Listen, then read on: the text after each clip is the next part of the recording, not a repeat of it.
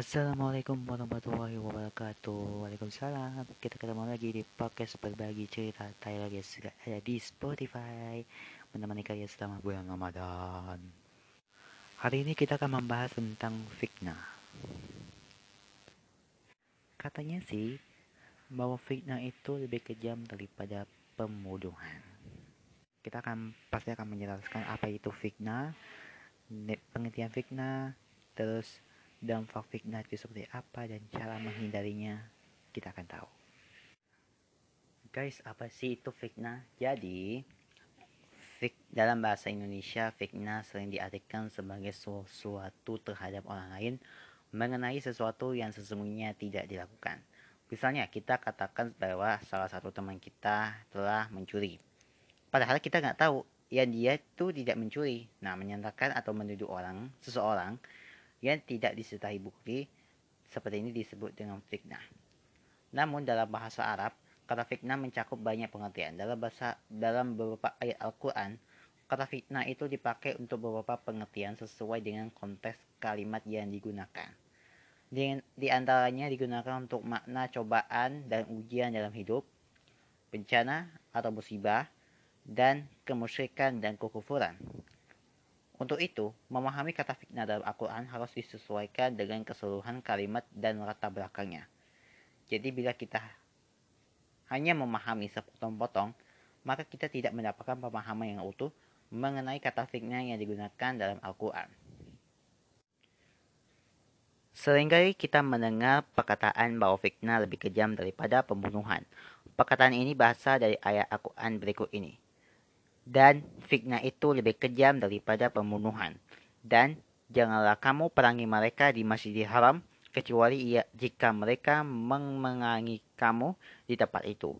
Jika mereka mengenali kamu, maka perangilah mereka. Demikianlah beratasan, balasan bagi orang yang kafir. Quran Surah Al-Baqarah ayat 191 Sedangkan fitnah yang berarti ujian atau cobaan adalah fitnah yang berupa tekanan orang atau pihak tertentu. Bisa berupa hukuman, bisa berupa pemberian Allah Subhanahu wa taala yang baik dan buruk, senang dan susah, kalah dan menang. Bisa juga berupa harta dan anak. Firman Allah dalam Quran surah An-Nafal ayat 28 dan ketahuilah bahwa hartamu dan anak-anakmu itu hanyalah sebagai cobaan dan sesungguhnya di sisi Allah ada pahala yang besar. Quran Surah An-Nafal Juz 8 ayat 28 Salah satu bentuk fitnah adalah menceritakan sesuatu yang tidak benar kepada orang lain untuk mendapatkan keuntungan pribadi. Misalnya mengadukan kepada bapak atau ibu guru bahwa ada temannya yang menyontek dalam ujian. Padahal yang bersangkutan sebenarnya itu tidak melakukannya. Ini dilakukan untuk menutupi dirinya sendiri yang suka menyontek. Nah, dapat negatif dari fitnah itu. Nah, fitnah akan berdampak buruk dalam kehidupan bermasyarakat. Antara lain, yang pertama itu rusaknya kehidupan bermasyarakat karena adanya kecurigaan antara yang satu terhadap yang lainnya. Yang kedua, pecahnya persatuan masyarakat dalam yang dapat memicu timbulnya kelompok-kelompok yang mendukung maupun yang menentang. Demikian buruknya fitnah, sehingga Allah Subhanahu wa taala menyatakan bahwa fitnah lebih kejam daripada pembunuhan. Terus bagaimana sih cara perilaku ini menghindarilah dari fitnah? Setiap muslimin dan muslimat harus berusaha untuk menghindari fitnah. Adapun cara menghindari fitnah antara lain sebagai berikut. Yang pertama, menyadari sesungguhnya bahwa setiap orang memiliki kekurangan dan kelebihan. Yang kedua, membiasakan buruk untuk memawas diri, melihat kesalahan sendiri di masa lalu. Berikutnya, mengingat-ingat kebaikan yang telah dilakukan orang lain. Selanjutnya, memperbanyak pergaulan dengan sesama sehingga kusuk dapat dikurangi. Tidak mudah mencari berita yang tidak jelas kebenaran, sumber kebenarannya. Selanjutnya, memperbanyak bergaul dengan orang-orang yang saleh dan taat beribadah.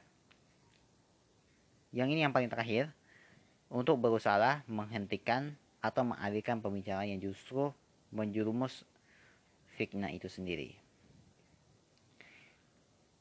itulah tadi beberapa fitnah eh beberapa demisi fitnah bentuk fitnah dapat negatifnya dan cara menghindarinya. Kita semua kita tahu.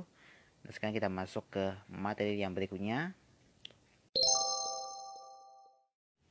Baik, ngomong-ngomong tentang itikaf di masjid, kita akan membahas tentang waktu itikaf dan tata cara selama di tengah pandemi COVID-19.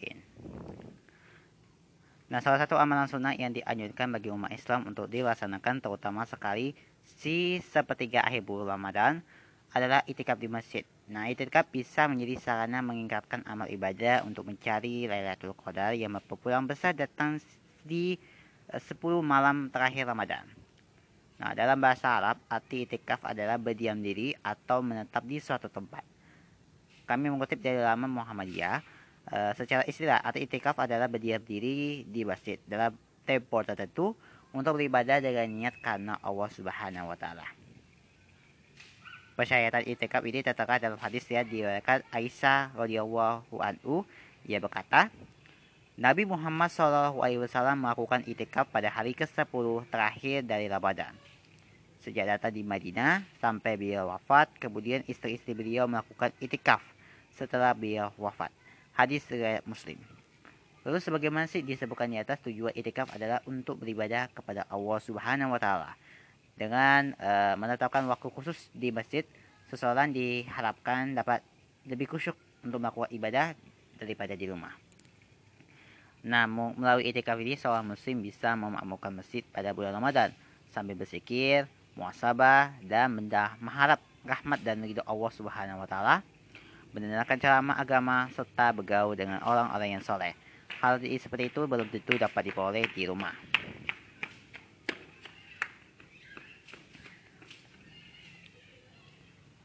Saat itikaf, seorang muslim sebaiknya tidak menyanyiakan waktunya untuk tidur, bincang-bincang, pendengar peserta itikaf lain, bermain ponsel, dan lain sebagainya.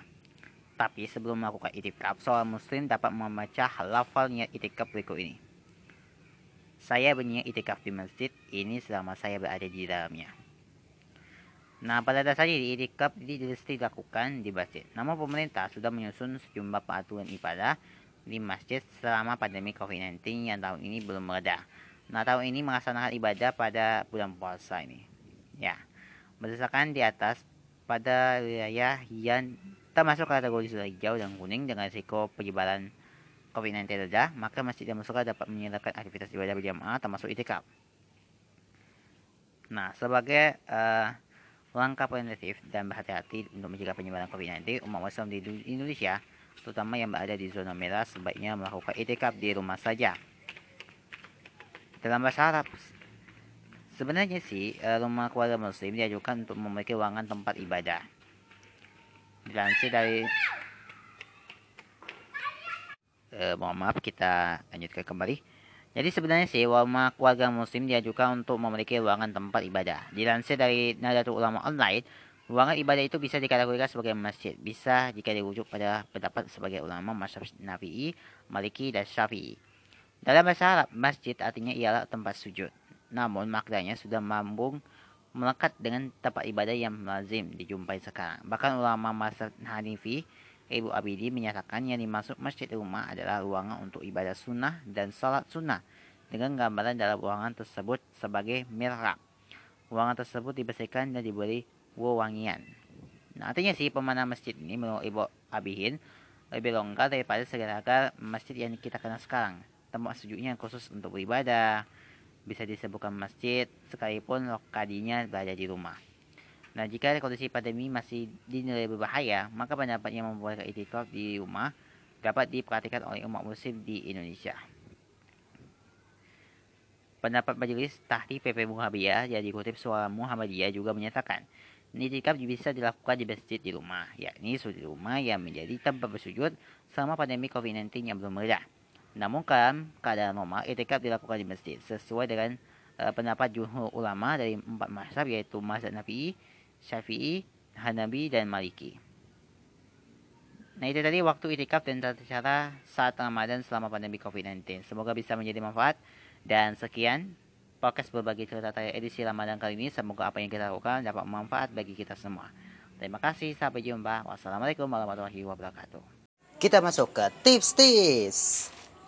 Oke, di tips kita kali ini kita akan membahas tentang tema puasa sehat, puasa lancar. Nah, pasti semangat kan puasanya, jangan lemas. Selalu isi dengan kegiatan positif. Insya Allah puasa kita berkah dan pasti gak berasa tiba-tiba betul aja ya. Oh iya guys, Mimin ada sesuatu ini buat kamu agar puasa kita yang sisa beberapa hari ini tetap segar, bugar, dan tidak lemas. Yang pertama, perbanyak konsumsi sayur dan buah. Mengkonsumsi sayur dan buah secara rutin saat berpuasa memiliki manfaat yang sangat banyak nih guys. Jadi kandungan serat dalam buah dan sayur dapat membantu mengurangi rasa lapar dan membuat kenyang lebih lama. Selain serat, tentu kandungan vitamin dalam buah dan sayur dapat menjaga daya tahan tubuh. Kedua, minum air yang cukup. Saat berpuasa tentu tubuh banyak kehilangan cairan. Maka dari itu, sebaiknya minumlah air setidaknya 6 sampai 18 gelas per hari saat buka hingga sahur, dua gelas saat buka, empat gelas setelah makan malam dan sebelum tidur, dan dua gelas saat sahur. Yang ketiga, kurangi makan berminyak. Mengkonsumsi makanan berminyak dan berlemak setelah berpuasa selama berjam-jam dapat menyebabkan kenaikan asam lambung. Selain itu juga makanan yang tinggi lemak dapat meningkatkan risiko obesitas, hipertensi, dan kardiovaskular. Yang berikutnya hindari makan banyak saat buka puasa. Saat berbuka puasa kebanyakan orang langsung makan banyak, banyak makanan mulai dari takjil hingga makan utama. Padahal buka puasa dengan cara tersebut dapat membuat perut kembung dan cepat lelah. Cara terbaik untuk berbuka puasa adalah dengan mengkonsumsi air putih dan kolbas saja. Kemudian berlanjutkan ke makan besar selesai sholat. Yang terakhir olahraga. Berolahraga selama bulan puasa sangat penting untuk menjaga kesehatan tubuh. Olahraga yang di lakukan pun sebaiknya olahraga ya intensitas yang rendah saja baik jalan kaki yoga ringan atau bersepeda santai. Agar tidak terlalu lelah sebaiknya olahraga dilakukan menjelang waktu maghrib atau waktu berbuka puasa. Nah itu tadi uh, tips sehat puasa sehat puasa lancar. Semoga menjadi inspirasi dan manfaat bagi kita semua. Dan sekian demikian podcast berbagi cerita untuk episode kali ini kita ketemu lagi di podcast berbagi cerita Thailand episode selanjutnya. Sampai jumpa.